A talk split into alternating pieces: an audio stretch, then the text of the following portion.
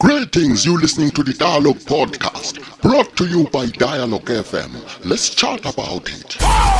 Alo, umadlela lo, nilalile inyazaranda lakobulawayo. Salibonani salibonani hlabezulu kuJezi marabini lo. Muziva chane mukumvelela Dialogue Podcast.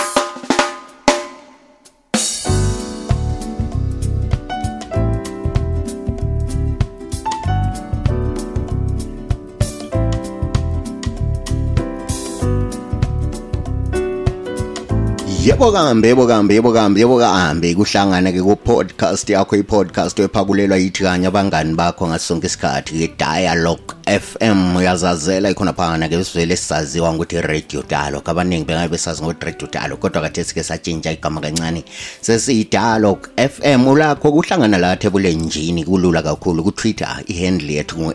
@dialog FM ulakho njalo kusilandela ke ku Facebook lapho ikhasi lethu ke elihamba ngegama elifanayo sikhona njalo ke la kulokho kwalezi insuku o-instagram-ke khona phana lakho sihamba ke ngegama elifanayo dialog f m ulakho njalo ukusilandela-ke kuwhatsapp kulula kakhulu ulandela-ke inombolo 0773284598 ngokuthumela-ke i-voice note yakho-ke usazisa okungabe kusenzakala khona ngapho-ke esigabeni sakho ngoba tla uyazazela thina-ke njenge-dialog f m injongo yethu ke laphana ukuthi sinike kuzulu iplatform yokuthi kaxoxe kodwa ikho kanye thina sikwenzayo sikunika ke yona la iplatform awuthi ke ngingamotshi isikhathi ke kathi namhlanje ke sikhangelela ubudaba sithe sibala ke amaphephandaba lapha sizwa lemisakazweni sibona la kubabona kude ke lapha ke kunsuku zona ezizimbalwa ezedluleyo sibona nanko sekukhulunywa ngokuthi ke elizweni lechina ke ubhubhane i-covid-19 yona lani sibuye yaphenduka njalo ikhona ngale isisizi lamahabula sekubaliselwa ke laphana abantu ke abangafika ke inkulungwane pho sezedlula ke amachumi ayisithupha more than 60000 abantu asebebulewe ke yi-covid-19 kusukela ke ekuqaleni komnyaka laphana within one month sekufe abantu abaningi kangaka so siyazi ke leyaqala yaqala njalo yaqala khona ngale China yamemetheka agcwala umhlaba wonke kwagcina sekulama lockdown eh lonke ilizwe elisemhlabeni selifake lockdown kambe singabe sesibuyela kulezo zikhathi yini njalo nxa sikhangele lokho sikubona ezindabeni kukhanya ngani kakukho ngenye indlela sesizabuyela khona phana kanti nxa sicabanga ama-lockdown lawo esike sadlula kiwo ebese sijabula sithi sesiyedlule kiwo sicabangani kubuyani engqondweni zethu ngike ngaphuma ke laphana ke lo ishmayel umfana kamkanda ke laphana ke ijaha ke lalo elisebenzela idalo ke fm saxoxa ka lezakhamizi zemagwegwe north ke khona ngale zisitshela ke imibono yazo etshiyeneyo ukuthi kati nxa sikhuluma nge-lockdown kubuyani engqondweni zabantu ngesikhathi se-covid sidlule ebunzimeni obuningi bekungasetshenzwa besidonsa nzima sometimes ulayo imali kube nzima ukuthi uyethenga sometimes uyiswele imali uswele yena umuntu ongakunceda kube kusiba nzima even ukuthi ungaphila njani bekudonswa nzima ngaleso sikhathi so makukhulunywa nge-covid yeyi ngiba lokukhathazeka okukhulu kakhulu okokuqala kwangikhona wabantwana especially ama-two thousand laba ngamankazana labafana Bamithile abanengi ngenxa yeCovid leyi. Lamanzi ayeswelakala, lamagetsi uzothiwa kuyadingwa inkuni. Ngiyakhumbula iqalisa kwakungela magetsi. Sisiyadinga ngale, kusiyaganyulwa izihlahla kusiya le St. Peter. Abantwana abanengi bamithile and abafana bangene kuma-drugs kakhulu. Kusilimazile lokhu sibili njengabomama ngoba abantwana sebebhema bebancane. Ya ngisabela kakhulukazi ku-health yethu singabantu ukuthi ngabe mhlawumbe Ikhambi lokuthi sizivikele thina ezabantu lizotholakala na nangabe sibuyile iCovid nalabo abasivikelayo abodokotela labongikazi baphephe okunganani ukuthi nathi bazosiphephisa kuyo lo lo le covid ama lockdown angiboni ukuthi angaba yisolution ikakhulu la ma situations anjengawe covid ngendlela esakwenzakala ngayo ngobana a-affecta kakhulu thina i-livelihood yethu thina sinjengabantu indlela yethu yokuziphilisa so uhulumende la ecela ukuthi akunanzelele khonokho ukuthi ngesikhathi se iqala i-covid leyana bakhona abanye abazuzayo nge-situation ye-covid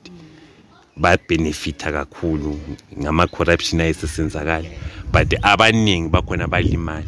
so ikakhulu uma ngibuyela ngithe ngezwa usisi laphana ekuwakhomenti ekuqaliseni ukuthi kungaba njani ukuthi store siqale kathesi ukustoka but it's not the solution yokuthi khona wena ungastoka for just 21 days or for just one month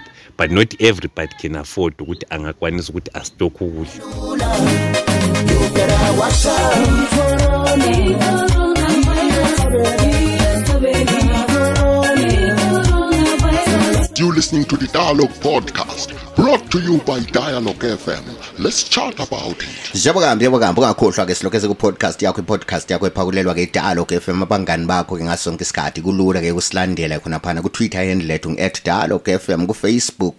@dalo ke FM futhi ke lekhasi lifilibizwa ke ngokufana nawo konke la ku Instagram dalo ke FM ke ilibizwa ke lekhasi lethu yilibizo lethu njalo ke lona lana kuwhatsapp 0773284598 kambe wena khonapho lapho ngabe usilayela ukhona kungabe kubuyani kwakho umqondo nxa sikhuluma ke ngodaba lwama-lockdown kanti kuyini esingakwenza ke this time nxa isibuya esakufundayo zifundo bani esazifundayo kule lockdown edluleyo laku ngathi kukuhlasela kobhubhane lona lolu kokuke kwenzeka yikuyini esakufundayo esizathi ke khathesi lokhu kumele sikuqaphele but okwakhathesi njengoba umkhuhlane uyaqala so ukuthi yisi isikhathi senesi sokuthi sithatha amanyatheli lathi thina ordinary people on the streets khonokho esikwenzayo kade siqale ukuthi sizame ukuthi singenza njani ukuthi ma umkhuhlane lo ngabuya ngeveve elikhulu singayenza njani eqinisweni nxa isiphendukile ngabe thina abantu siyaqinisela siwagqoka amamaski ayanceda kakhulu amamaski lawo ukuthi sivikele akhuluma ngayo kudala indaba yekorona sangalaleli kambe bangaka bazosala beyifakazana indaba yekorona kodwa-ke noma-ke zibuhlungu indaba e-, ezikhulunywa-ke ngabantu-ke lapha mana mayelana labaku ama experience zabo nge COVID-19 le lockdown kodwa ke kukhona ke okuhle okubili okuthathwa abantu abangabe bakufunda kambe kuyini nje okuhle okunye esakufundayo last time kumbe okwenzakala last time ngama lockdown buhle bani esabubonayo la labana babefuna ama divorce kwalungisana khonapha sokukhulunyiswana njengoba sihlala ekuseni sivuka sonke shone sonke ntambama kulalwa lonke engingakutsho ngesikhathi se-lockdown lapha mina ngafunda ukuthi nje ngingabi ngumuntu ophonga ukugcwalagcwala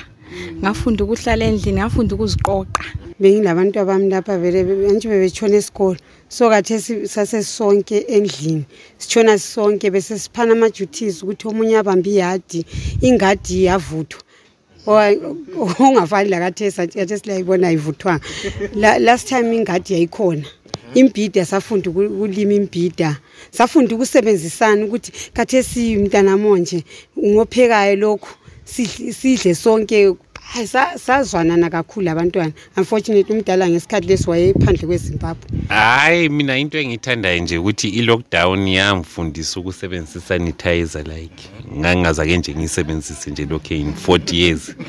but khona ukhiyana nje ukuthi sayisebenzisa ukuthi ngabe kuyaqhubeka njengakade simakuzwakala imbiko yona le ukuthi i-covid siqala phansi baphinde basigqugquzele kusesemanje ukuthi siqale ukuyisebenzisa ngoba sesiyekethisile lama mask wona sesiwagqoka kuthiwa hhayi ngoba ngiyemapholiseni ngiyesikolo kumbe ngiyesibhedlela sengiyigqoka sengikhona lapho kanti sayigqoki ebhasini kanti sayigqoki ngani mna nxa singeke siwagqoke everyday ama-mask kodwa khonokhala ama-sanitizers ukuthi siwasebenzise kungaze kwabuya ama-sanitizer ngoba kuthiwa khona hhayi sokuqalile okudawo um ah, ngaba lobudlelwane obuhle labantu bami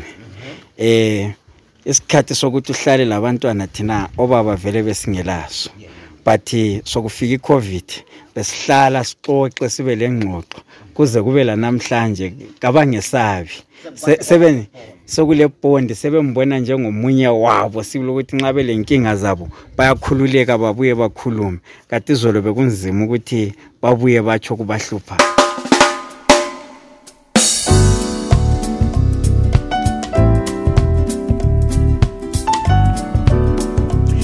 ngalokho ke sesifike kongcengetshe ke uhlelo lwakho ke lwanamhlanje ke kupodcast yakho yanamhlanje sibuye sihlangane njalo ke kupodcast elandelayo mina lamgama ke linyasa randela khona pedolben lako bulawa igodobora umgonondo omkhulu ongabhekwa ngamehlo khuleka noko bethule ke ngithi ke ulakho kusilandela ke kutwitter ihandle lethu ngi-edalo fm ulakho njalo ke uhlangana lathi ke kufacebook ikhasi lethu libizwa fanayo dialog fm lakho njalo kusilandela-ke ku-instagram sisebenzisa-ke ikhazi elifanayo lakho njalo kusilandela-ke kuwhatsapp kuwhatsapp-ke laphana uyasithumela-ke umqhafazo yokunaphana-ke ebhokisini ku-0773284